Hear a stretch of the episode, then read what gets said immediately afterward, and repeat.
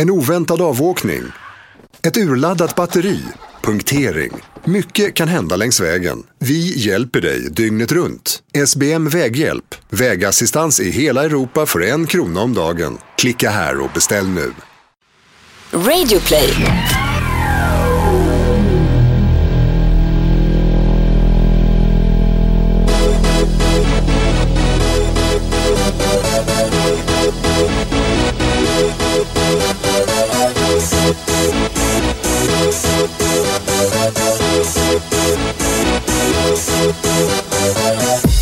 For this?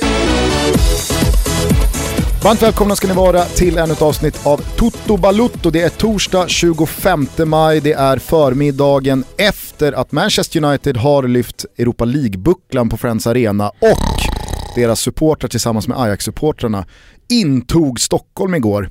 Vilket jävla ös det var i den här stan igår.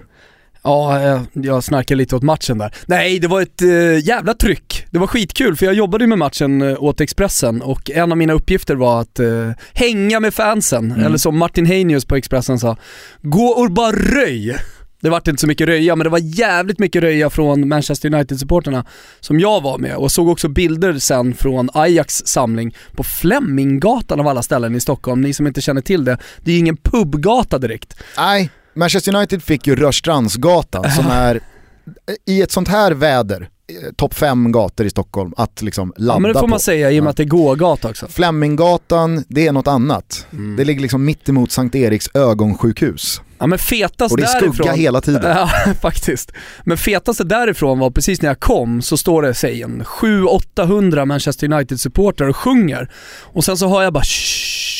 Och så är det tre stycken nioåriga pojkar uppe på ett bord och drar igång ramsor. GGG. precis. Oh, oh, oh. Hata guys.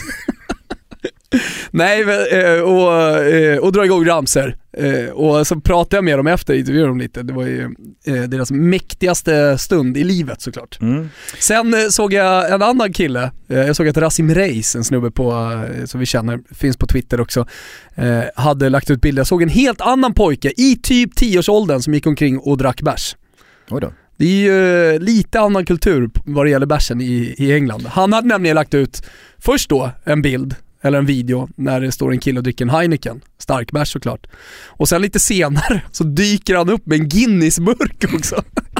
Det är ju lite liksom fotbollsvärldens svar på den här rökande apan ja, precis. som finns med i några filmer. Ja. Att så här, är det här okej? Det är ju lite kul men är det okej? Ah, man vet inte riktigt vad man ska tycka. Nej. Men så går man vidare och känner att ah, någonting hade du ju där. Farsan tänker, det är ju fotboll! Ja, jag, jag eh, min, min liksom främsta reflektion kring gårdagen, liksom pre-matchen och eventet drog igång borta i arenaområdet i Solna, var ju ambivalensen krögarna måste känt igår. Å ena sidan, årets bästa kassa. Men är det värt det? För att i andra vågskålen ligger ju ett potentiellt trashat ställe, fights, alltså en jävla eh, hög anspänning riskmässigt. Mm. Poliser, supportrar, britter som är för packade och så vidare och så vidare.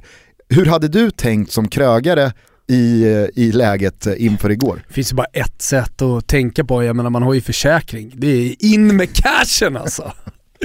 Ja, Skit skulle vara, det. det skulle faktiskt vara intressant att se hur många ställen på Rörstrandsgatan som gjorde eh, årets bästa kassa igår. Jo men alltså oavsett om det hade varit Manchester United, eh, Ajax eller inte så hade man ju förmodligen gjort årets bästa kassa igår. Det var löning, eh, en av årets bästa dagar, röd dag dagen efter, lill-lördag. Så det hade jag- alla ingredienser för att bli en toppdag för Ja, en ja, men, men jag tror inte att speciellt många neutrala, eh, icke-fotbollsintresserade stockholmare som har fått löning gick och satte sig på Rörstrandsgatan igår. Nej, men sen ska det också sägas, jag vet inte fan om det blev så bra kasser för att det ligger ju 200-300 meter ifrån ett systembolag och det här hade ju engelsmännen rekat. Så det var ju en stridström, det var liksom lämmeltåg fram och tillbaka till eh, Systembolaget och de skiter i om bärsen är kall eller inte. De, den ska ju bara ner. Så det stod ju, alltså, hundratals eh, eh, engelsmän med fulla systemkassar. Städarna i eh, Vasaparken, de hade att göra ja, igår. Ja det hade de verkligen, men förvånansvärt lite folk ändå, engelsmän i Vasaparken. Jag hade ju lätt styrt min kosa dit och hängt där snarare än på Restaurangsgatan. Sen tyckte jag det var kul att se att eh, det var så många av de prominenta toppprofilerna som var ute och flanerade Stockholms gator under gårdagen. Jag har sett selfies med van der Sar, Klöifert, van Schaal, Fabio Capello. Alltså de åkte verkligen till Stockholm och bara gick ut ja. i majdagen. Tyckte det var härligt. Ja, det var härligt, eh, men det säger väl en hel del också. Så man kommer till en annan stad så kanske man släpper lite på det där att man ska vara anonym också. Eh, det var ju många som tog tillfället i akt och njuta av Stockholm, för det var ju också om man säger för Stockholms del så visade ju staden upp sig från sin absolut bästa sida. Det blir ju inte så mycket bättre än igår faktiskt. Nej, det får man verkligen säga. Eh, däremot så har man ju sett bättre fotbollsmatcher. Det var en ruskigt sömnig historia. United får ju den där matchen precis dit de vill och när Mkhitaryan gör 2-0 tidigt i andra halvlek så var det ju rullgardin ner och Ajax eh, var ju med facit i hand en stor besvikelse.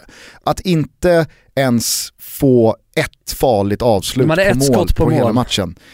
Mitt det, på det, Sergio Romero, jag kommer ihåg det. De hade ju 93 minuten så, så hade man sin farligaste chans i matchen. Jo, jag vet.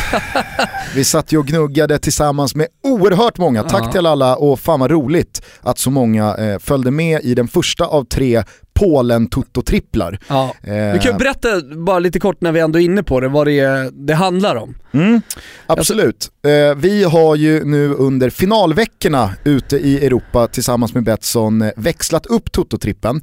Vi har ju eh, länge här nu kört allsvenska matchbiljetter mm. som en liten kicker till tripplarna och det ska ju såklart inte förringas, det är ju en superfin mm. kicker. Men nu i två veckor och under totalt tre tripplar så väljer vi att höja insatsen med 22 platser till en resa till Polen tillsammans med oss den 15 juni. Och då ingår resa till och eh, från Malmö. Man får alltså ta sig till Malmö? Man får ta sig till Malmö och så kommer man tillbaks till Malmö. Mm. Eh, det ingår två hotellnätter, matchplåtar till Sverige-England som är den första matchen i U21-EM och frukost. Det var härligt.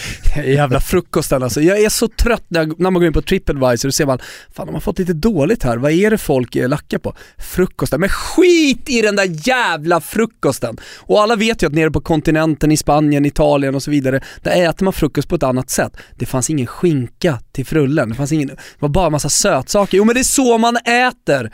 Ta seden dit man kommer. Skit. Så skit i frukosten. Jag säger att det, det roligaste med det här, det är att vi blir ett gäng på 24, inklusive dig och mig, som kommer ha förbannat roligt i tre dagar. Verkligen. Från Malmö till Polen, tillbaka till Malmö, kommer det vara en grym resa. Skulle det vara så att man vill stanna i Polen så får man såklart göra det också om det är någon som ändå tänkt åka och vinna det här. Precis. Och då var i alla fall den första Toto-trippen igår en specialare. Det var Just en eh, trippel i bara en match. Eh, jag hade satt ihop trippen som var att båda lagen skulle göra mål, att United skulle lyfta pokalen och att min gubbe Marwan Fellaini Aha. skulle ta ett gult kort. Två av tre ben satt ju och det var ju då den här chansen som dyker upp i 93. Som När... lika gärna får sitta! Här, United har ju checkat ut, det var ju det man märkte. De har checkat ut sista minuten, alla står och hoppar på sidlinjen, de går framåt och då kommer ju två mot ett läget men så ska det chippas. Ja. Jag blev så trött, så trött, så trött. Men det är ju inte ett krav på att trippen måste sitta för att tävlingen ska vara igång. Utan alla som var med och tävlade, de är ju såklart med i utlottningen. Och den här trippen kommer generera tre stycken vinnare som får ta med sig varsin kompis. Helgens Toto-trippel kommer generera tre vinnare som får ta med sig varsin kompis. Och så nästa veckas Toto-trippel med Champions League-finalen som crescendo kommer eh, generera fem stycken vinnare som får ta med sig varsin kompis. 22 pers totalt, vi drar den 15 juni, alla får ta sig till Malmö och från Malmö, bäst fan de vill. Men det blir kul, ja, det, det, blir roligt. Det blir skitkul. Så att haka på Toto-trippen här nu. Vad jag skulle säga i alla fall kring matchen, det var eh, att eh, jag blev eh, lite provocerad kring att eh, Mourinho återigen fick tugga lite skit. Ja. Och jag har eh, full förståelse för att man över en hel säsong, tidigare under den här säsongen, har gnällt på Mourinho, att han spelar en destruktiv fotboll, eh, att det inte är Manchester United och att han vaskar ligan och så vidare och så vidare. Ni vet vad, eh, hur tongångarna har gått. Men i den här enskilda matchen, i den här finalen, så handlar det om för United att vinna en relativt tung titel men framförallt att säkra en plats i Champions League. Får du då 1-0 efter 17 minuter och 2-0 efter 47 minuter och du möter ett gäng kortväxta 19-åringar Alltså ge honom ingen skit för att han då bara låser matchen. Fick 7,5 i La Gazzetta dello Sport hyllas stort. Jag såg också i L'Equipe så hyllas han också stort för ja. den här matchen, hur man genomför hur Han hyllades ju inte stort av Ajax-tränaren Bosch som Nej. satt på presskonferensen efteråt och sa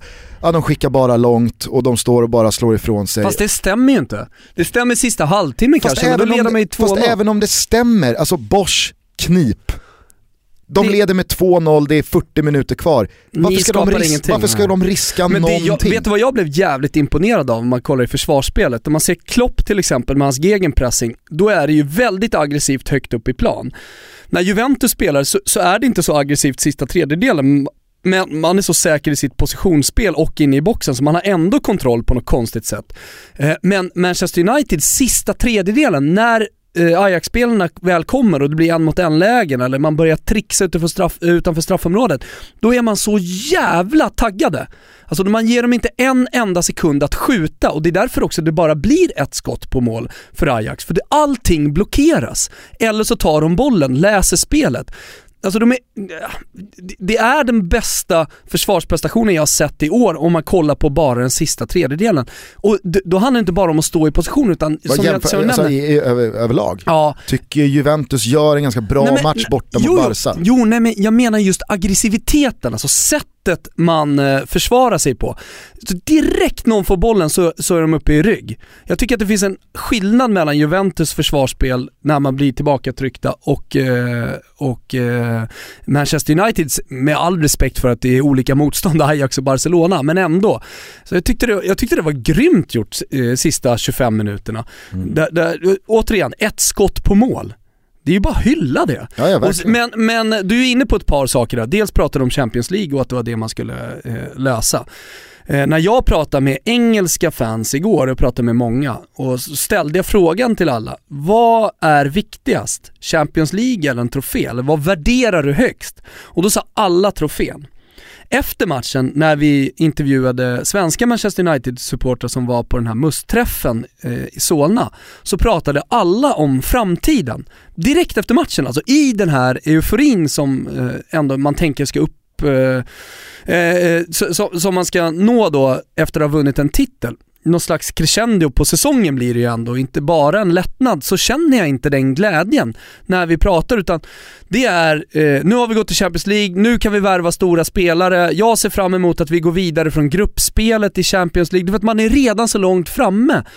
Och jag undrar om det då är en, eh, ett tecken på liksom storlagssupporter, att eh, även eh, Real Madrid-supportrar skulle känna samma sak. Och där är jag i alla fall så väldigt långt ifrån. Alltså du har precis vunnit en, er första Europa Eh, league-titel eller Uefa Cup-titel i klubbens historia. Kan man inte bara i en, två timmar känna glädjen för just trofén istället för att man ska blicka framåt? Det var till och med en som vi intervjuade eh, som började prata om eh, potentiella värvningar och, och uh, pratade om det i Fifa-termer, alltså spelet. Sa, tänk dig vilket lag vi kommer ha på Fifa med Griezmann, Paul Pogba och, eh, ja men du vet.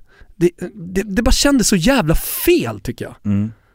Ja, nej, jag, jag, förstår helt Nästan vad du menar. Nästan lite respektlöst sådär. Sen så kanske det är en väldigt speciell situation i och med att det är just Manchester United som har varit ett av världens mest framgångsrika lag de senaste Absolut. 20 åren. Och de har varit framme i Champions League-finaler och de har vunnit ligatitlar och de har huserat världens bästa spelare. Att det är just de som vinner en Europa League-titel kanske får en annan innebörd för de här distanserade utländska supportrarna, i det här fallet svenskar, än vad det kanske får för Ajax-supportrar som hade, de hade ju firat den här titeln. Det har jag full förståelse som, ah, ja, för, men de det, hade ju firat den en vecka. Ja. Jag menar, en timme, ett par timmar efter innan vi börjar reflektera över nästa säsong. Ja, det, det hade ju varit på sin plats. Ja. Ja, jag, jag tyckte i alla fall, alla får göra som de vill. Återigen, alltså, vi inte, och jag kommer aldrig göra det, hålla på på något sätt gradera supporterskap och, och, och sådär. Jag säger bara att för mig så var det väldigt märkligt. Mm. Ja, de kunde ju inte vinna Champions League i år. De kunde vinna Europa League. Och de Ja. vann det. Det enda de inte vann, ja nu är det fa Cup-final visserligen då i helgen, men eh, annars så var det ju bara ligan. Men där också, eh, okej man, man eh, kommer inte tvåa, trea, fyra, men hade man kommit tvåa så hade, hade man inte m- minst den här säsongen på något annat sätt än Europa League-titeln, Charity Shield och eh, Ligacup-titeln. Det, det var en andra plats. Ja. Alltså det, det är ju på något sätt smink tycker jag i, i slutändan. Alltså det är bara, i, i ligan så är det ju bara segern som räknas. Ja men lite upprättelse, eller ganska mycket upprättelse får ju Mourinho här nu. För att nu tror jag poletten trillar ner i alla som ännu inte har fått den nertrillad. Att, jag menar, det här blev tre titlar, vi är klara för Champions League. Eh, alltså, och, och en förutsättning för att vinna Europa League var ju att eh, bortprioritera Premier League. De eh, Manchester United-supporterna eh, som jag träffade som kom från Manchester, eh, de var ju på Mourinhos sida Ja. och så, såg liksom positivt på spel, framtiden. Det, det Sen kan jag också, sen kan jag ju förstå liksom de som är lite rädda för att det ska se likadant ut oavsett vad man värvar i sommar nästa säsong rent spelmässigt eh, med Mourinho. Det, det, det måste man ju ha respekt för, självklart.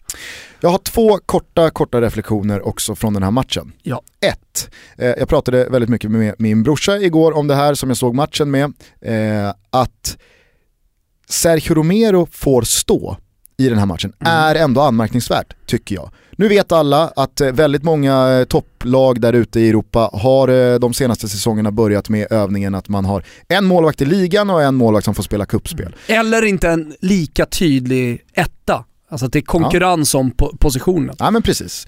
Hur som helst så eh, har ju Sergio Romero då fått stå i Europa League och han har gjort det bra hela säsongen. Inget ont om det och herregud, Sergio Romero det är ju en duglig målvakt, argentinsk landslagsmålvakt och så vidare och så vidare. Ni kan det där. Men i den här matchen som gäller så oerhört mycket för Manchester United. Det ligger en Champions League-plats i, eller Champions League-plats i potten och Mourinhos hela anseende ligger i potten. Att då fortfarande stå fast vid att Romero ska stå matchen.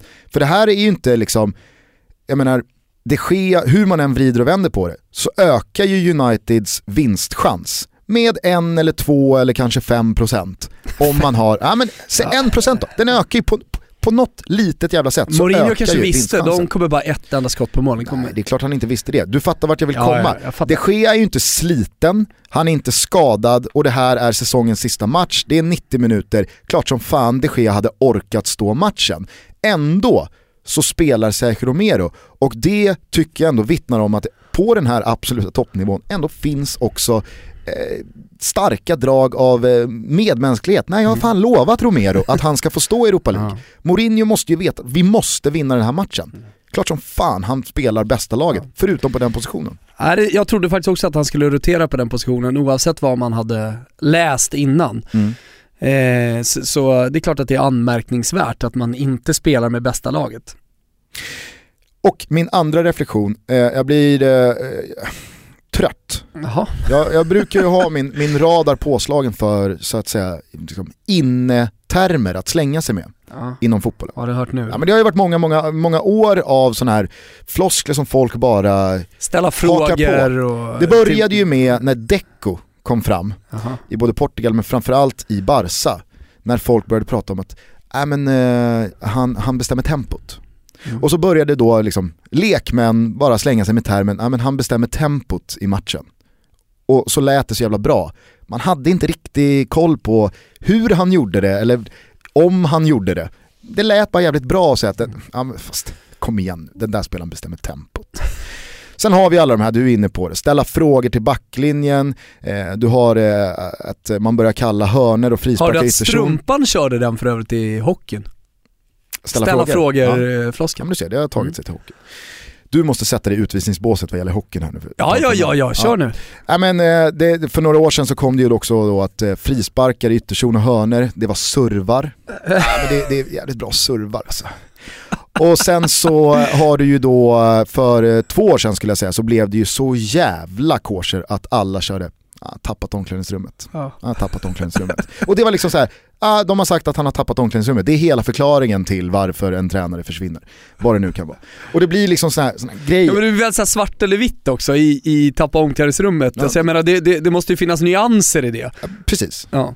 Men, Men någon har man säger det, tappat omklädningsrummet, då är det tappat. någon det säger kört. det, det låter bra, man hakar på och sen så tror att det kommer låter lite man från jävligt internationellt insatt. Håll. Alltså för så länge jag läste italienska tidningar så har man ju pratat om Lo Spogliatoio som spaccato säger man där, att det krossat omklädningsrummet. Det kanske är ett bättre uttryck Gusten. Mm. Att eh, det, det, det finns en schism i omklädningsrummet. Krossat låter så jävla hårt, splittrat kanske är bättre. Ja men spaccato kan vara splittrat också, så att splittrat eh, Mm. omklädningsrum använder man av i Italien. Att vi kanske har tagit till oss det lite på ett dåligt sätt då. Ska du och jag börja säga det istället? Splittrat? Nej, alltså jag tycker man gärna får slänga sig med de här uttrycken om man kan måla hela tavlan, om Jo, man men- kan fylla på. Det blir så, det blir så billigt att säga så här. Jo men för att, för att göra någonting, i och med att du, du är irriterad på det här nu, eh, för att liksom komma vidare så kan vi ta en av de här termerna som är eh, tappat omklädningsrummet och, och, och addera till ytterligare en dimension för att få mer nyans i det. Då har vi tappat omklädningsrummet, då är det helt kört. För jag menar det kan ju ändå hända. Mm. Annars, om man känner att fan här är någonting som inte riktigt stämmer, då kör vi på splittrat omklädningsrum. Ja det gör vi. Okej. Men vill du höra min nya senaste innesägning som bara Oerhört slentrianmässigt har fått eh, fäste. Nu är det en grej som alla är överens om stämmer för att någon har sagt det Ja. och det låter jävligt bra. Då är det då våran kompis Niklas Jarelin som är en av Sveriges mest aktade och skickliga fotbollskommentatorer, det är jag den första att säga. Men när Paul Pogba gör 1-0 igår, så alla som såg matchen såg hur målet gick till. För er som inte såg, match, eller såg matchen så var det så att eh, Pogba skjuter ett lågt skott mot en täckande försvarare. Det tar på... Deflection. Exakt, det blir en deflection på den här täckande spelaren och ställer målvakten i mål. Och då kommer ju då sägningen från Jarelin som, jag blir, så, jag blir bara matt. För att den här har börjat sprida sig. Aha. För att någon sa för något halvår sedan, åtta månader sedan, när det är en spelare som täcker ett skott eh, med jätte... Kan det ha varit Åslund?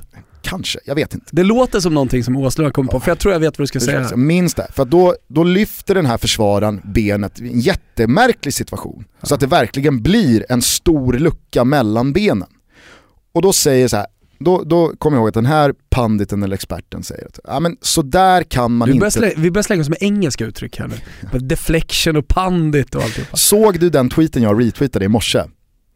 Phil Neville gick ut Ja. på Twitter och skrev “They called him the chosen one”. Nej, “They called him the special one” om Mourinho. “Now he's the Manchester United one”. Alltså Och som att han hade- var så spot on. Någon hade bara liksom. subtweetat och skrivit “RIP punditry”.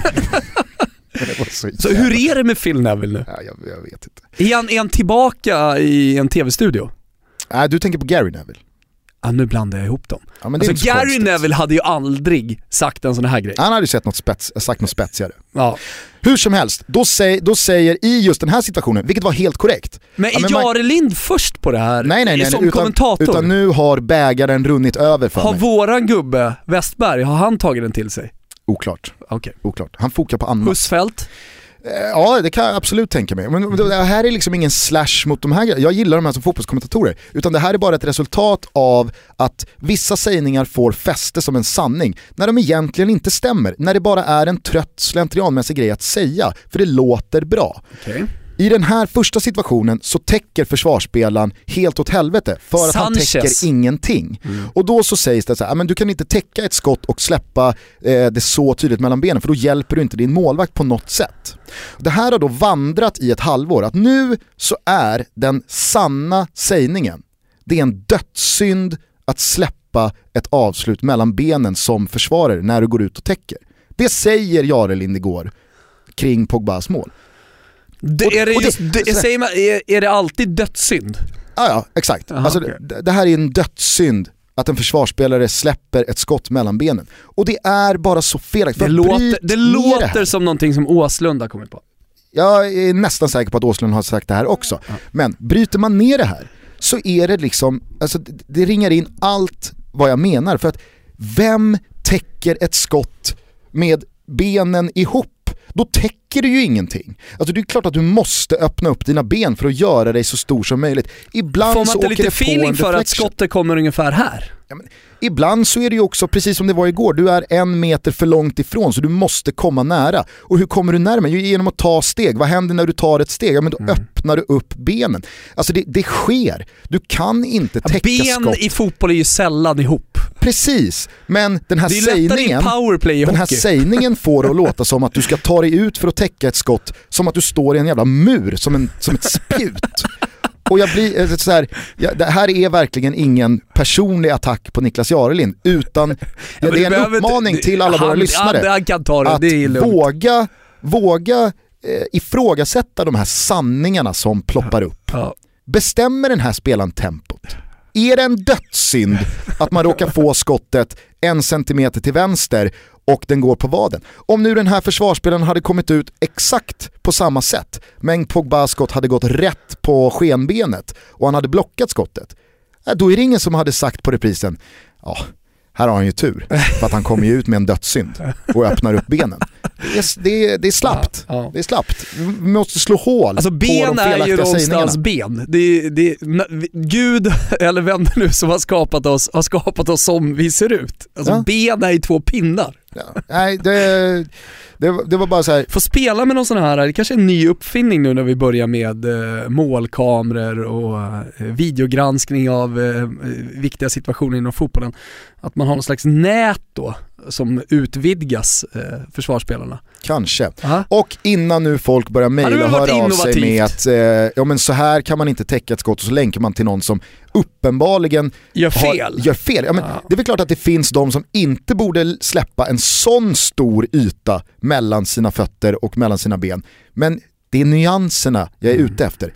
Man måste kunna täcka ett skott och sära på benen utan att det är en dödssynd. För att allt annat är onaturligt. Fortsätt sära på benen fotbollsspelare där ute.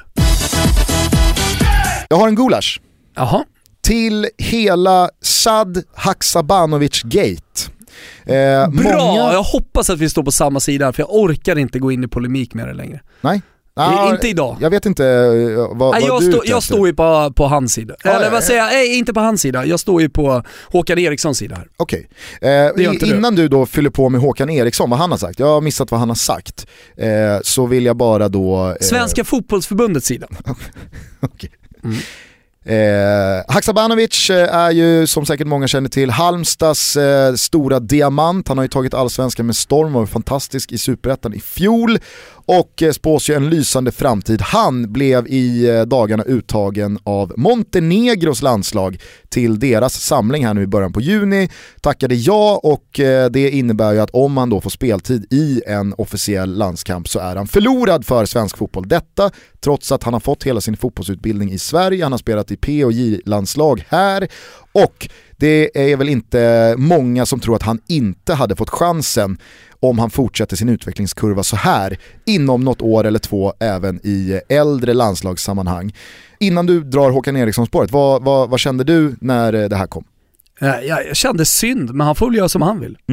Och, jag, alltså, och min gulasch är ju riktad till alltså, det fenomen som då uppstår att man ska kasta skit på en, vadå, 18-åring. Mm. Han vill ju bara spela landslagsfotboll så tidigt som möjligt, det måste man kunna förstå. Han är i eh, form, han går bra, han får uppvaktning och han känner att alltså, det här är ju konkret, det här är nu. Sen så kanske det inte är det bästa beslutet, jag tror att det är ett misstag. Eh, för att om jag hade fått välja mellan... Du, tror att han, du tror att han om några år kommer känna fan också. Jag jag tror fel. att eh, när För det det Jag tror att när Montenegro missar sitt femte raka mästerskap och Sverige under den tiden kanske har gått till två mästerskap, Mm. då tror jag nog att man eh, sitter där på sin kammare och känner, jaha, okej. Jag kommer aldrig få spela ett EM eller med det ett här beslutet eh, och, och fortsätter att vara, om han är så, så pass trygg i det här beslutet att han måste tacka ja redan nu istället för att avvakta.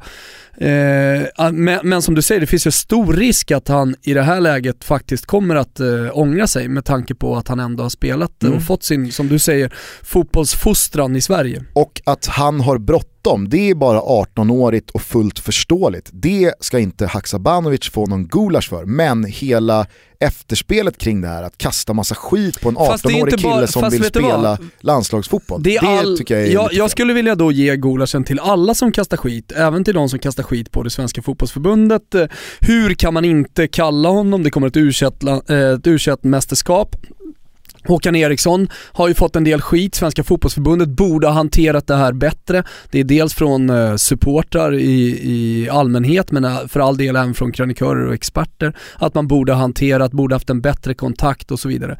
Men, men i slutändan så handlar det ju om att det är ett mästerskap som kommer upp och det är U21-mästerskapet. Det finns ingenting annat för i A-lagssammanhang. Svenska eh, A-landslaget har ju ingenting att göra och det är alla medvetna om ju, eller hur? Mm.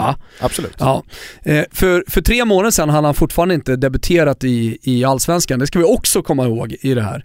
Eh, Håkan Eriksson har tagit Sverige till sitt andra raka u mästerskap Han har sin trupp, han har sina spelare som han litar på. Eh, dessutom så är Haksabanovic, eh, vad är han, född 90... 99. 99, precis som Alexander Isak. Kolla på Alexander Isak. Han har fått vara med och känt på det. Men han är ju långt ifrån, eller han är ingen startspelare i uh, U21-EM. Vad jag kan se i alla fall, utan där finns det betydligt hetare, hetare lirare. Han, han är fortfarande ung i ett U21-sammanhang, Haksabanovic och för all del Alexander Isak också. Alltså, hur ska de ha agerat annorlunda? Jag, jag kan inte förstå det. Eh, Okej, kanske haft en bättre dialog, men nu är det han själv som har valt det här. För mig känner jag bara så här, ja men det är väl bara att acceptera. Han har, han har gjort sitt val. Skitsynd att vi tappar en av våra absolut största talanger. Men det är inte så mycket att göra. Han hade kunnat valt Kosovo, han hade kunnat valt Albanien, han hade kunnat valt Montenegro eller Sverige. Han hade fyra alternativ. Det var det här som kändes rätt i hjärtat. Det finns fan ingen att, att kasta skit på. Det här är bara hans eget val. Sen om han känner någon slags missnöje eller besvikelse att han inte har fått tillräckligt mycket samtal från eh, Håkan Eriksson, eller vem fan det nu är på Det är förbundet. ju också då bara förväntar sig. 18-årigt naivt. Och fullt I så fall så är det ju, ja exakt. Och då får väl han ta den smällen om några år då när han ångrar sig. Men i det här läget så kan jag inte förstå de som är uppenbart irriterade och eh, arga på det svenska fotbollsförbundet och Håkan Eriksson som inte har tagit ut honom. Eller på Haksabanovic. Eller på Haksabanovic som har gjort sitt val. För att det här ska man också komma ihåg att det här är ju, eh, en gång i tiden så benämndes det här som framtiden, men nu är vi ju här med massa unga killar som har rötter i både en och två och tre Mm. och fyra fotbollsnationer. Fyra också! Nu jävla sticker du ut hakan Gustav. Fast du räknade ju precis upp tre plus Sverige. Just Så det. att Haksabanovic Ja, hade ju fyra ja, ja. val att göra. Och det är ju så här det kommer se ut och då är jag helt inne på ditt spår också. Vi kan inte använda vårt A-landslag till någon slags tjing-verksamhet. Ge honom fem minuter Janne så att han är låst. Nej. Det är ju taskigt mot den här spelaren också. Dialogen absolut. Dialogen absolut, men sen så måste man också förstå sin plats i näringskedjan. Montenegro, det är ett land, ett fotbollsland som har färre invånare än Sverige, färre fotbollsspelare och som skriker efter att alla spelare som kan höja kvaliteten på vårt landslag är välkomna och vi måste ta dem tidigt för att vi kan inte brottas med länder som prenumererar på mästerskapsplatser. Sverige är inte top of the food chain, men vi är i alla fall ett fotbollsland som har ett jättefint vi facit av inte- mästerskap, vi har många fotbollsspelare, vi har duktiga ungdomslandslag, vi har en påfyllnad underifrån som är bra. Och man får helt enkelt räkna med att nu när framtiden är här, med killar som har rötter i olika länder, så finns det 18, och 19 och 20-åringar som inte Vi- pallar vänta, det som vill inte att- spela fotboll, det som vill går- spela landslagsfotboll och som då gör sina val. Sen kanske de ångrar sig fyra år senare, fan, jag borde väntat på min chans. För att jag vill hellre spela i Sverige, jag vill hellre spela mästerskap, än åka till Skopje och komma femma i varje kvalgrupp. Men då får ju det också stå för dem. Vi kan inte, jag kommer ihåg när Hamrén tog Sverige med ska Tankovic. inte hålla på med någon tjingverksamhet. Nej, och det var ju det som, kolla, kolla eh, Mohamed Mohamed Tankovic. När han då breakade i Fulham var det väl.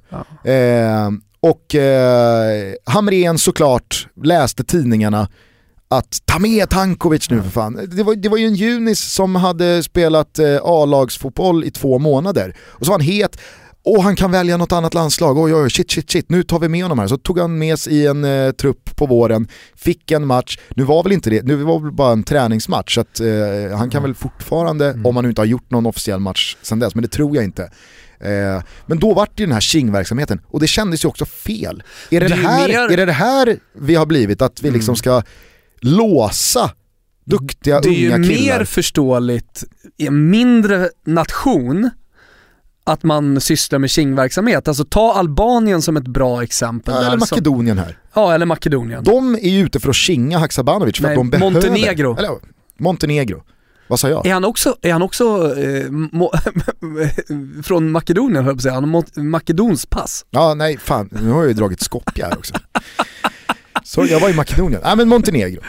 Ja, eh, mo, nej men jag, jag förstår det eh, när, det, när det gäller de mindre, alltså om man är eh, den mindre nationen här, ja. att man ser sin chans att, att eh, värva, för det är egentligen det man gör va. Eh, en ung talang, för jag kan inte tänka mig att han får speciellt mycket speltid i Montenegro i den här matchen. Eh, kanske kommer in då bara för att verkligen säkra honom för all framtid. men, men där är ju jättemånga speciellt då med Schweiz, eh, många som är uppvuxna i Schweiz som, som har valt eh, antingen schweiziska landslaget eller, eller då Albanien. Vi har ju det superexempel på Xhaka-bröderna där mm. en spelar i albanska landslaget och en i det schweiziska. Och Tyskland är väl kanske det bästa europeiska exemplet på ett för stort fotbollsland för så många fotbollsspelare som, som är landslagsbra men det är ett sånt enormt fotbollsland och det ja, finns jag... bara ett A-landslag. Ja har du då rötter i Turkiet, det finns jättemånga turkar i, i, i Tyskland, ja. eller i, i, i Balkan, vad det nu kan vara. Ja, men då är det väl klart att man fattar att de är ärliga mot sig själva. Kan jag konkurrera ut Mesut Özil Ja men det är en helt annan Miller? grej, exakt. Kolla på Kevin Prince Boateng som spelade i po eh, pojk och landslag i Tyskland. Men som sen kände att fan, här har jag, här har jag inget att hämta i det här landslaget.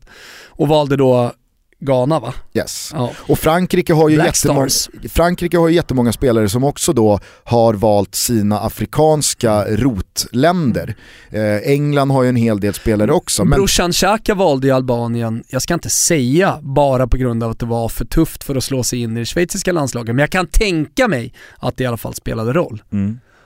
Ja, nej men det, det, är en, eh, det är en verklighet som folk måste vänja sig ja. vid och man måste förstå att unga lovande spelare som kommer fram och blir superhypade, de är också bara 18-åriga killar mm. som tror att det, det måste gå svinfort. Jag hoppas och det måste att han är bra rådgivare. Ja, det hoppas jag också. Men jag kan tänka mig att 3, 4, 5, 6 år från nu det är ju ja. vad vi tror, det kan vi bara spekulera i. Det Just här och nu ja. Så måste vi bara acceptera det här eh, beslutet och ingen ska hängas för det. Det som blir intressant dock att se, det är vad som händer i svallvågorna efter den här förmodade landskampen han gör nu för Montenegro i mitten på juni. Om det på något sätt dör någon liten hype kring Haksabanovic i Allsvenskan och i Halmstad för att han inte längre är en, en potentiell, potentiell svensk mm. landslagsman. Att det kanske blir så här, skit i honom. Han är ju montenegrin nu, ja. så att varför ska vi hålla på och lyfta honom? Det blir mm. intressant att se i alla fall. Eh, men gulasch till alla som då har eh, kastat skit på någon inblandad här. Mm. Det, är en, det, är en, det är en normal situation som vi måste börja vänja oss vid. Hörru du, vi brukar ju ringa Danne och ha väldigt trevliga stunder, men det sitter ju en lång jävla skåning nere i Arlöv och hänger läpp för att vi inte ringer honom lika ofta. Han får ju vakna ska vi, när vi ringer. Ska vi slå en signal till podden? Vi testar i alla fall. Mm. Hallå? Påne! Påne! Hej hej. Påne, påne, påne! Läget? Det är bra, det är bra. Sommaren i Stockholm, eh, Thomas är... Påne bara garvar när vi ringer. Ja men hallå, Åsa frågar hur du mår Thomas. ja du har sett den senaste videon i vasskampen? Ja det är fan det roligaste jag sett på länge alltså.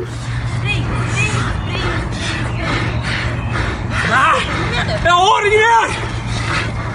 Ta det fittbandet alltså! Helvete! Men jag kan inte trycka mig emot! Fan! Oj vad lack han blev. Ja men du ser, hon rycker ju till i det där gummibandet precis. Nej sluta, hon är hur snäll som helst. Jag bara håller bandet. Ja, nej, fan. Men jag, jag krigar på vet du. Det, det, har varit, det har varit tuffa två veckor. Jag vet inte, jag vet inte hur väl du känner till eh, Stockholm Ponne, men det där är alltså ett utegym som ligger nere vid Eriksdalsbadet på Södermalm. Det är mycket folk som rör sig i det där området och eh, alltså när det där eh, skriket kommer, alltså det var ju ett par det var ett par långa sekunder av tystnad, folk som vände sig om och vad händer där borta? Nej, det var skrämmande faktiskt. Alltså var det lite det här alltså Maxi Lopez gick igenom i, under Torinos försäsongsträning för ett par år sedan? Ja, typ. Fast det sjuka, jag sprang ju med Maxi så, så vad gick jag igenom samma.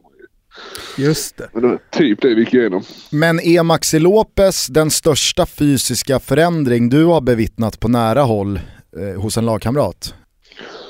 Ja fast det var inte så mycket förändring på den egentligen. Jag stod ju stilla med den. Det de kallade den, tvättstuga. Annars vet jag inte vad om, jag vet inte om du kommer ihåg när Ilkay Gündogan i eh, då Borussia Dortmund skadade sig Mm. Och sen så några månader senare så läckte det ut en bild på honom när han satt och käkade kebab med sin polare. Och det var ju Ja. en riktig kagge som gjorde sig synlig. vet du vad det var? Det var en kalaskula. Nej, alltså det var mer än kalaskula. Det var liksom, bilden eh, nej, jag vet inte fan vad det var. Och sen så kom han ju tillbaka från den, men den där bilden hänger ju i fortfarande i hans eh, eftermäle. Mm. Hur är läget med dig då, hemma i Arlöv? Ja, jo det är lugnt för mig. Precis börjat träna fotboll igen. Jag har haft några veckors semester. Så jag börjat träna med Malmö nu igen. Hålla igång lite. Fan vad fint det måste vara att kunna komma hem till Arlöv och sen så få vara med och träna med Malmö som ändå är topp, alltså svenska mästarna och leder allsvenskan. Mm. Ja, nej det, det är fint såklart. Få, och de välkomnar mig med öppna armar och tillgång till gym och även få med laget ute på planen. Det är klart att det är jävligt fint. Snällt av dem. Efter några år ute av eh, spel på en, eh, får vi väl ändå vara ärliga och säga, högre nivå. Känner du själv att man har utvecklats när man då hamnar i eh, allsvensk miljö? Känner du att fan vad man har tagit steg? Ja, alltså när man känner inte av det så tydligt om jag ska vara ärlig. Alltså, det är mer att man har mognat och, och förstår att så så här, prof- professionalitet, att man är mer noga med allt man gör och så här. Alltså kvaliteten är inte så stor skillnad om jag ska vara ärlig. Alltså. Det är väl alltså framförallt träningar utomlands. Också spelarna utomlands är rätt smarta på träningar. Alltså, så tar det rätt, rätt lugnt och sparar kraft inför matcherna. Um, så att rent träningsmässigt skulle jag säga att det inte det är inte så stor skillnad. Alltså. Men hur känner du när du är nere och spelar, de är mitt under säsongen, du är stor Malmö-supporter. Blir du inte sugen på att dra på dig Malmö-tröjan? Känns det inte lite frustrerande liksom att fan nu är det match i helgen, där vill jag ju vara med. Jo, det är klart nu. Framförallt nu kan jag tänka mig idag så börjar de förbereda sig inför AIK. Och så är jag ändå med på träningen. Det är klart att det hade varit kul att kunna förbereda så pass att man kan spela matchen också. Blir du lite Men, eh, besviken nu ifall eh, MP inte tar ut dig? Faktiskt lite kanske. nej, men det är klart det är en speciell känsla. Alltså, men eh, nej, alltså. Eftersom att man är så, så mer supporter nu än spelare så, så, så det är inte lika tydligt kan jag tänka mig. Men du, eh, tidigare under tuttåret när vi har pratat Malmö med dig så har du ju berättat att äh, men det är egentligen bara Mackan Rosenberg som, som du spelade med och som du har bra kontakt med och att du mer har följt dem från distans och sådär. Nu när du har tränat med laget, är det någon spelare som har imponerat extra på dig? Alltså vi har bara haft två, två träningar. En träningarna var inför en match och sen andra träningen bara de som inte spelade. Så de som var avstängda och de som har varit skadade och så här. Eh, Men det är ganska många. Det är ganska många i Ja, Malmö. exakt. Jag har inte hunnit se så mycket men... Eh, Biasana såg så het ut senaste träningen. Det var, vi körde mycket en mot en, två mot två. Där är han, där är han jävligt fin alltså. Synd att han inte fått ut det så, så mycket i match, i alla fall i Malmö. Men han har, jag har alltid gillat Tobbe, han har fantastiska kvaliteter. Så om jag ska nämna någon hittills så, så får jag säga Sanna. Mm. Ja, Tobias Sanna är ju en av de här allsvenska spelarna som eh, lite har fått klä skott för att bra på träning, sämre i Mm. match. Han har inte fått ut så mycket på planen. Mm. Nej, Ja, så, exakt. Jag har alltid gillat Tobbe, så att, jag håller med. Fiorentina hade en eh, kille från Honduras som hette Leon en gång och jag var, kollade på väldigt mycket träningar, det var mitten på 2000-talet. Han dominerade totalt på träningarna, han fick ut noll på match. Och det var ju samma Ja, sak man nu. har Första, på ett par sådana spelare under karriären som är fantastiska på träning med noll på match. första månaderna, eller första veckorna nu under allsvenskan, då var ju Suleiman Krpic i AIK, den här spelaren som, det, det läckte ut från AIK, han, han är grym på träning alltså. Han är riktigt vass i boxen på träning. Men du, eh, egen form då? Det är ju dags för eh, årets viktigaste landskamp här nu snart. Mm. Ja, nej, min form är bra, tror jag i alla fall. Jag har inte haft någon match på länge, i och med att det var sin sista matchen i ligan också. Eh, men eh, nej, nej, det har varit en lång säsong, mycket matcher så att man, man har väl fortfarande match, matchrytmen i kroppen kan jag tänka mig. Eh, och sen som du säger, det är en viktig match och jävla härlig resa som, som vi har börjat bygga upp här nu med landslaget. Vi har, vi har allting att vinna och klart att det är en tuff match mot Frankrike men samtidigt så är det hemmaplan och vi har allt, allt att vinna och, och enligt mig stora chanser att göra ett bra resultat. Så att det ska bli jävligt spännande. Med, Men- ta- med tanke på eh, att det blev eh, 90 från start eh, mot eh, Vitryssland och sen ett succéinhopp borta mot Portugal senaste samlingen. Känner du att du eh, kommer till Stockholm här nu med, med bättre vittring på startplats än tidigare? Eh, jag vet inte svårt att säga. Alltså, jag, jag åker alltid ut förberedd för att, för att få spela. Sen så får man ta det därifrån. Eh, som du sa, det gick bra förra samlingen och det var jävligt härligt att få spela de första riktiga matcherna i landslaget. Eh, ja, vi får se hur det blir. Jag åker dit med, med ett härligt självförtroende och det ska bli jävligt kul att träffa alla igen och sen så får vi ta det därifrån. Du, senaste tid, sista tiden ska jag säga i Leeds, eh, det blev ju två matcher där eh, som som tyvärr då inte räckte hela vägen till eh, playoff. Eh, Hur, hur, var, hur var stämningen? Hur, hur kände du? Ja, det var, det var jävligt jobbigt om jag ska vara ärlig. Framförallt när man förstod. Det var ju, vi tappade där under slutet men när du verkligen förstod att nu är det typ omöjligt, då var det, då var det jävligt jobbigt alltså. Mm. Sen så blev jag avstängd också den sista veckan där. Det var, eh, det var jävligt jobbigt. Det var bara typ så att man, man ville dra hem direkt. Um, men jag menar, jag har krigat så många matcher, nästan 40 46 omgångar och har grepp om det hela tiden. Sen tappade vi de sista, sista veckorna. Det var, ja, det var sjukt jobbigt alltså. Ja men Och, precis, eh, Eh, det måste ju vara jobbigare att eh, ha och sitta på en eh, playoffplats i så många månader, så många omgångar. Det kändes Och ju klart Ja, men, alltså, det är skillnad att kanske missa playoffet när man har jagat, jagat, jagat och de ovanför Mm. gör det lika bra och man kommer inte ikapp. Än när det är nu som för Leeds att det blev, Falla på mållinjen. man tappar sista tre omgångarna. Ja, det var, det var riktigt jobbigt. Men vi får skylla oss själva också. Vi blev, ja, man ska väl inte ha nivå på det, vi blev naiva. Jag tror också att det jämnade ut sig. Vi hade många sådana 1-0-segrar. Så det var jämna matcher där vi vann. Som jag tror jämnade ut sig i slutändan när vi inte hade riktiga flytet med oss. Jag tror det var därför som, som det blev som det blev också. Eh, Men också, vi hade ett rätt ungt lag, orutinerat lag. Eh, Där det kanske blev för mycket press, press på många de sista omgångarna också när det verkligen betydde som mest. Och då, då var det många som vek ner sig. Så eh, lära av det och studsa tillbaka och ta ut det nästa år istället. Du, eh, sista matchen också för Massimo Cellino som president. Har du tagit avsked? Han har nu sålt klubben till en annan italienare. Ja, nej, jag har ju vetat om det ett tag att det skulle bli så här. Um, Vad skickade han för jag, smiley? jag, jag, vet, inte, alltså, det har varit mycket skit om Selina hit och dit. Jag, alltså, allt, allt jag har haft med Selina har bara varit positivt. Han har varit grym mot mig sen, sen dag ett och min agent säger likadant. Jag, han hade också hört mycket dåligt om Massimo men han har varit bra mot oss sen, sen dag ett sen vi kom. Han har aldrig haft några problem och alltid varit grym. Och, och det personliga kemin mellan oss har alltid varit grym. Han har alltid tagit hand om mig. Så att jag har ingenting negativt att säga om honom utan önskar han lycka vad, vad, han nu, vad det nu blir för honom. Beskrev han försäljningen med någon smiley eller emoji på sms? Nej, vi har faktiskt inte smsat på ett tag nu. Han, eh, han, jag tror han blev besviken också att, jag inte, att vi inte gick till playoffs. Men du, Det finns ju den där, det finns ju den där sedelbunten med vingar. Det hade varit kul om han hade skickat den. Nej, det har han inte gjort. Men, men det finns ju då hopp för framtiden på honom. Om du står där i sommar eh, och inte har någon klubbadress så eh, går det ganska starka rykten om att Celino ska köpa Brescia. Så du vet att du har en eh, ritorno till Italien om det skulle behövas. Ja, ja, vi har förstod, förstod att Brescia var nära för det har skrivits mycket om det. Så vi har skämtat rätt mycket om det laget. Att, I alla fall vi som pratar italienska. Att plan B, det får bli, det får bli Brescia i så fall. Men vad fan, även fast det var en, ett, ett snöpligt slut på säsongen lagmässigt och sådär så måste du ändå kunna blicka tillbaka på en, säsong på, ett, på en säsong på ett individuellt plan som har varit jävligt lyckad. Årets lag kom du med i, det har varit starka rykten om både Tottenham men kanske framförallt Southampton. Ja, nej exakt. Det har varit ett bra år. Vad har vi att vänta oss av framtiden? Ja, det är en bra fråga om jag ska vara ärlig. Jag, Ge oss ett jävla löp här nu, kom igen på mig. Då ringer Jag Martin Dahlin direkt. Jag ska träffa Martin om, nu med landslaget så får vi ta allting därifrån. Jag, eh, Men säsongen har varit grym ju. Alltså för dig Ja, det har personligen. varit bra.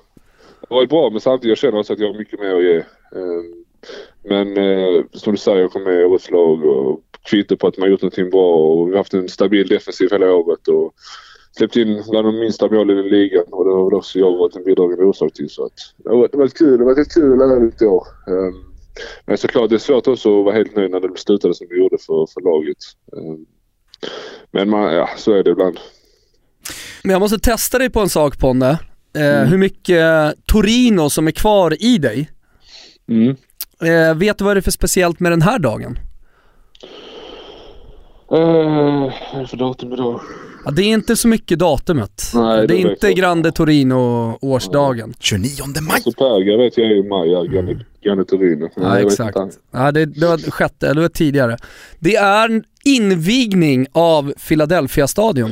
Just det. Det var jag med och invigde, eller vet du, jag klippte ju banden till den innan de började bygga. Exakt, exakt. Ponne, Ponne var där, klippte bandet och du berättade, det var en stor känslomässig dag, Ja, det eller var hur? kul faktiskt. faktiskt. Det var jag och Bruno Perez, Gustens favorit, som var där och, och klippte banden. Det var jävla mycket folk, säkert 6-7 tusen som var med där och ja, det var jävligt kul. Um, Och idag, Jag, jag förstod inte riktigt vad jag trodde det skulle bara bli en plan om jag förstod det rätt. Så det var ingen riktig träningsanledning på det sättet. Så vet jag inte heller om... För snacket var att, att det var mer ägnat åt Primavera-laget och så här än, än vad det skulle vara för, för A-laget. I och med att det var rätt öppet och Italien är nog rätt så här taktiska ju. Men de inte avslöjar elvor och taktik och så här. Så då var det svårt att kunna ha det dolt och det var så öppet. Så jag vet inte om det, om det snacket har ändrats och om de har ändrat det. Men så var snacket i alla fall innan jag lämnade. Det känns ju väldigt italienskt att dra igång bygget och sen efter ett och ett halvt år så säger någon, men alltså träningsplan och sådär då?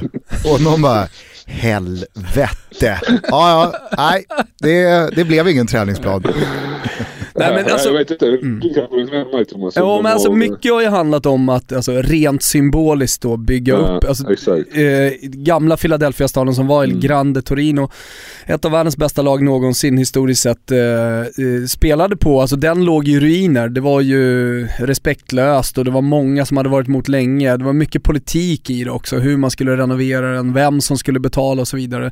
Nu har ju Urbano Cairo, din gamla president, eh, gått Mm. in och, och pyntat och kommit överens med kommunen så att det som, det som har blivit är ju ja, framförallt att man har rustat upp eh, liksom mm. Philadelphia-staden, gjort det på ett värdigt sätt. Och sen så kommer man spela de här klassiska torsdagsmatcherna inför publik, inför derbyn, du vet. Det kommer ändå ta uppemot, vad jag har förstått, uppemot en 10 000. Eh, Så, så det är ju fortfarande Stadio Olimpico som man har döpt om nu till Stadio Olimpico Grande Torino. Eh, och sen så då bara ett stenkast, för den ligger precis bredvid, stenkast därifrån eh, det Philadelphia-staden. ju. Mm. Så att det blir nog mäktiga torsdagsmatcher när man möter lokallag från Alba och andra eh, ställen i Piemonte och kommer upp, division Det är, 5-lag det är nästan det man inte saknar. Alltså fy fan vad det var tråkigt om torsdagsmatcherna alltså. Shit. Och kändes, det känns som att det är bara Italien som håller på med det också. Ja, jo verkligen. Fall för mig som mittback när vi vann varje match med 15-0. Det var fruktansvärt tråkigt. Du, eh, härligt! Fan vad kul att pratas. Det ska vi Mm, göra mer. Vi kommer åka till Polen och följa U21 om det är kvar i Alev där i, ja det kommer det ju vara och förbereda inför bröllop och alltihopa kring den 14 juni så, Ja. så kommer vi gärna återigen då på ett litet hembesök. Annars så kanske vi kan tajma eh, målrakan i vasskampen ihop med Ponne eftersom han då är i Stockholm. Han kanske då ska vara med på det sista passet, I Humlegården. så kan vi mäta våra krafter. Just det. Så kan Malin få eh, springa med det där gummibandet bakom Ponne så ska vi se hur jävla mycket du orkar då! Inga problem. Hörru, eh, ta hand om dig, hälsa Åsa. Det ska jag göra snart. Ta hand om er. Ciao! Ciabello. Jag vet inte om det är en schnitzel, men eh, på något sätt så måste vi ju bara eh, dra upp hur Hall väljer att släppa Alex Bruce. Såg du det igår? Nej, så. Han får alltså eh, läsa på sin Twitter att eh, Hall kommer inte förlänga eh, kontrakten med följande spelare och då ser han sitt eget namn i den här tweeten och svarar bara på Twitter. Tack för att, tack för att någon sa något. Är det schnitzel till Hall eller? Kanske, alltså, Nya moderna Hall. Det är en ny modern schnitzel till någon presskommunikatör i Hall. I samma tweet så framgick det då också att eh, Hall inte väljer att utnyttja eh, optionen på Andrea Ranocchia utan han sätter sig nu på fakiren tillbaks till Milano. Men blir det visste man faktiskt om, eh, det hade han sagt i en intervju tidigare med italiensk media för någon vecka sedan redan. Det blir spännande att se i alla Många fall. Intersupportrar som blev lite missnöjda. Ja. Eh, vem tror du tar Inter? Blir det Spalletti eller? Ja, som det ser ut nu så är det alltså tränar eh, cirkusen i Italien eh, eh, alltså, pekar ju åt ett håll och det är Spalletti till Inter, det är eh, Sebio Di, Di Francesco, före detta Roma-spelaren till Roma. Sassuolo har han tränat nu ett par år. Ja exakt, Eh, det är Pioli till Fiorentina och det är Montella kvar i, i, i Milan. Det, ja, det, det är så det ser ut. Och, I och eh, med också att Diego Simeone, jag säger inte att Spalletti var första val, men i och med att Diego Simeone av allt att döma stannar i Atletico Madrid. och vad händer då med din gubbe Paolo Sosa? Mm, Kan man, eh, det, det snackas ju fortfarande lite Roma. Kastas han i hamnen Nej, det i pratar- Livorno? pratas om Roma eh, vad det gäller Paolo Sosa. Så man sitter och håller en tumme. Men innan, innan han ska lämna så ska han bäras ut eh, på Ponte Vecchio, kanske doppas i kära och fjädrar och sen slängas i Arno. Hörni, innan vi eh, släpper er för den här gången så finns det en del saker vi måste påminna om. Dels Vasskampen, eh, vi går in i ett kritiskt skede här nu när eh, sommaren har kommit till Sverige, uteserveringarna lockar, du ska åka ut och öppna upp ditt landställe. Alltså frestelserna står ju där uppradade, då gäller det att vara starka, visa upp pannben och stå emot. Ja, jag kan säga att jag har varit riktigt nära på att falla dit eh, rejält. Eh, men ska försöka bita ihop ett litet tag till i alla fall. Man ser ju också på den senaste Instagram-videon som finns att skåda på vårt konto att eh, du, du, börjar, Den som Ponne var inne på här tidigare. du börjar närma dig bristningsgränsen nu. Ja, faktiskt alltså. Jag börjar tröttna på det här rejält. Ta det fittbandet alltså! Helvete! Vasskampen vet ni eh, Tack för såklart allt vad det... stöd ska jag säga. Ja, verkligen. Och Vasskampen vet ni vid det här laget vad det handlar om. Eh, Kliv bara in på ett gym om ni eh, vill haka på eller börja träna. Fitness 24-7 och säga att jag vill haka på på Vasskampen. Så, så hjälper de er med en gratis månad om man tecknar ett abonnemang. Och sen så för den personen som står för den mest inspirerande resan under hashtaggen Vasskampen ah, väntar ett års gratis träning och tre stycken PT-pass. Det är Och alltså. Toto-t-shirt! Toto-tischerna finns att beställa via eh, våra sociala medier. Länken är annars www.grandfrank.com tutto. De börjar ta slut, det är löning. Eh, det finns inga anledningar att eh, sitta och hänga läpp som Sad Haksabanovic kommer göra om fem år. Sitt inte här om fem veckor och häng läpp när ni ser era polare glida runt i årets bästa tischer. Nej, men, eh, Slutligen, Gusten. In, in Mm. och beställ era tischer, de börjar ta slut. Eh, så att eh, nu, är det, nu är det hög tid att klicka hem er order. Du, slutligen så vill jag rikta ett stort tack, eller vi vill rikta ett stort tack till alla som har röstat på oss i Guldskölden. Vi har inte pratat jättemycket om det, men vi är extremt tacksamma. Från eh, botten av eh, våra hjärtan säger vi grazie mille eh, och vi hade varit jätteglada om ni fortsätter rösta på oss. Vi är alltså nominerade i poddkategorin tillsammans med några andra. När vi föll på mållinjen i, vad heter det, Daytona här i höstas, så var, det lite tungt. Det hade varit kul att, gå hela vägen den här gången. Framförallt så insåg vi väl då vårt misstag i att vi hade pushat som fan i nomineringsfasen och sen så tappade vi fart när det väl gällde att rösta bland finalisterna. Ja. Det här året så har vi ju legat väldigt lågt, vi har då lyckats landa en nominering ändå. Så att nu så gasar vi väl upp vårat eh, röstfiske. Fan det vore jävligt kul att vinna Guldskölden, speciellt för dig och mig som har våra rötter i svenska fans, Ja. som älskar hela den rörelsen och som verkligen värdesätter eh, priset av er som lyssnar, läser, tittar och skriver. Eh, så att det skulle kännas asfett. Och du vill ju inte säga det så jag säger det, man får ju också såklart jättegärna rösta på dig i årets sportkrönikör-kategorin också. Mm, tack så jättemycket till alla som har nominerat mig dit. Jag går upp mot några stora drakar. Det hade ju varit kul att fälla några av de jävlarna. Verkligen. Ah. Ja. Eh, så att eh, rösta på Thomas i kröniker-kategorin och sen så får ni som sagt jätte, jättegärna rösta på oss i poddkategorin. Det skulle göra oss oerhört glada. Nu är det Kristi himmelfärd, folk eh, har säkert långledigt och eh, fan på... är Kristi himmelfärd? Det hör du väl? Han lämnar, han lämnar jorden. Såklart. Eh, är lite- Trevlig resa. Trevlig resa. Eh, jag skulle vilja också bara eh, uppmana alla de som eh, av någon märklig anledning har missat det att om ni kan, titta på Roma mot Genoa söndag kväll 18.00 för att eh, av allt att döma så verkar det bli Francesco Tottis sista match i Roma. Jag tror att det kommer vara storslagna bilder och även fast man skiter i Serie A, italiensk fotboll och kanske inte har speciellt mycket till övers för Francesco Totti så är det en av de sista stora eh, fotbollsikonerna som har bara spelat i en klubb som lämnar in och eh, kastar in handduken och det tror jag kommer bli jävligt mäktiga scener. Så att eh, titta på den matchen, njut av ledigheten, rösta på Toto Balutto, följ vasskampen och sen håll ögon och öron öppna via våra sociala medier för nästa Toto-trippel med Polenresa i potten. Den kommer via Twitter och Instagram ju närmare vi kommer FA-cupfinalen mellan Chelsea och Arsenal. Nu eh, tar vi helg. Ciao tutti! Ciao tutti! Vi var tajta, vi var kåta, kunde döda för fest Mamma trodde vi var smarta men vi strulade mest Vet jag ljög så många gånger om att jag var så snäll Kolla på mig du, jag lovar, sover ensam ikväll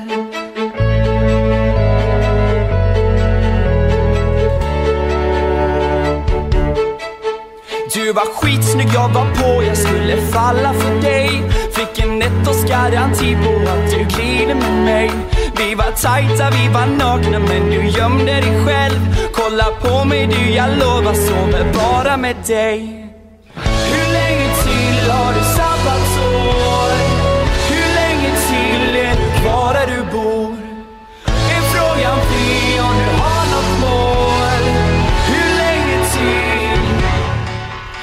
Ska jag gå på samma gator, samma tonårspanik?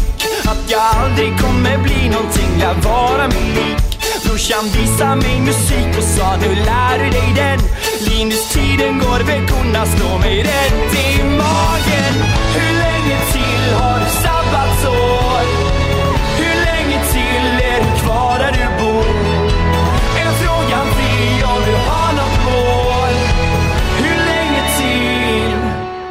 Hörde jag besvikelse om mig?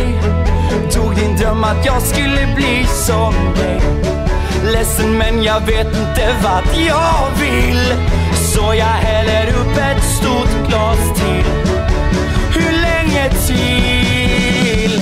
Hur länge till har du sabbatsår? Hur länge till är du kvar där du bor? Är frågan fel om du har något kvar?